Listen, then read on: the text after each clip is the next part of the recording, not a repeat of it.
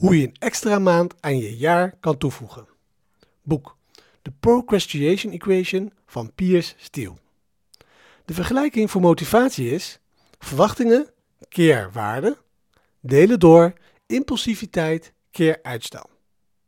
Je zult in staat zijn om hoge niveaus van motivatie te behouden wanneer je een sterke verwachting hebt om een doel te bereiken dat je zeer waardeert.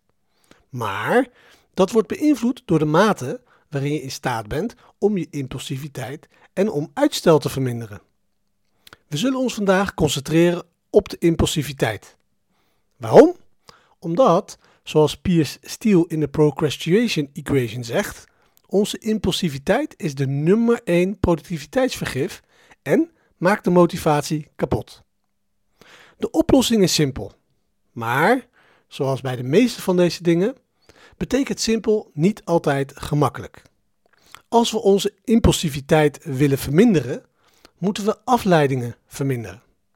Piers vertelt ons dat de eenvoudigste manier om dat te doen is door je push-notificaties van je e-mailberichten uit te schakelen. Geen geluid en ook geen visuele waarschuwingen. Push-notificaties, push-notificatieberichten van e-mails moeten gewoon uit.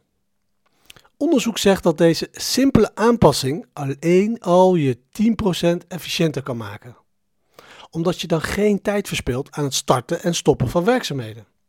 Als je veel van taken wisselt, dan leidt dat tot aandachtsresidu.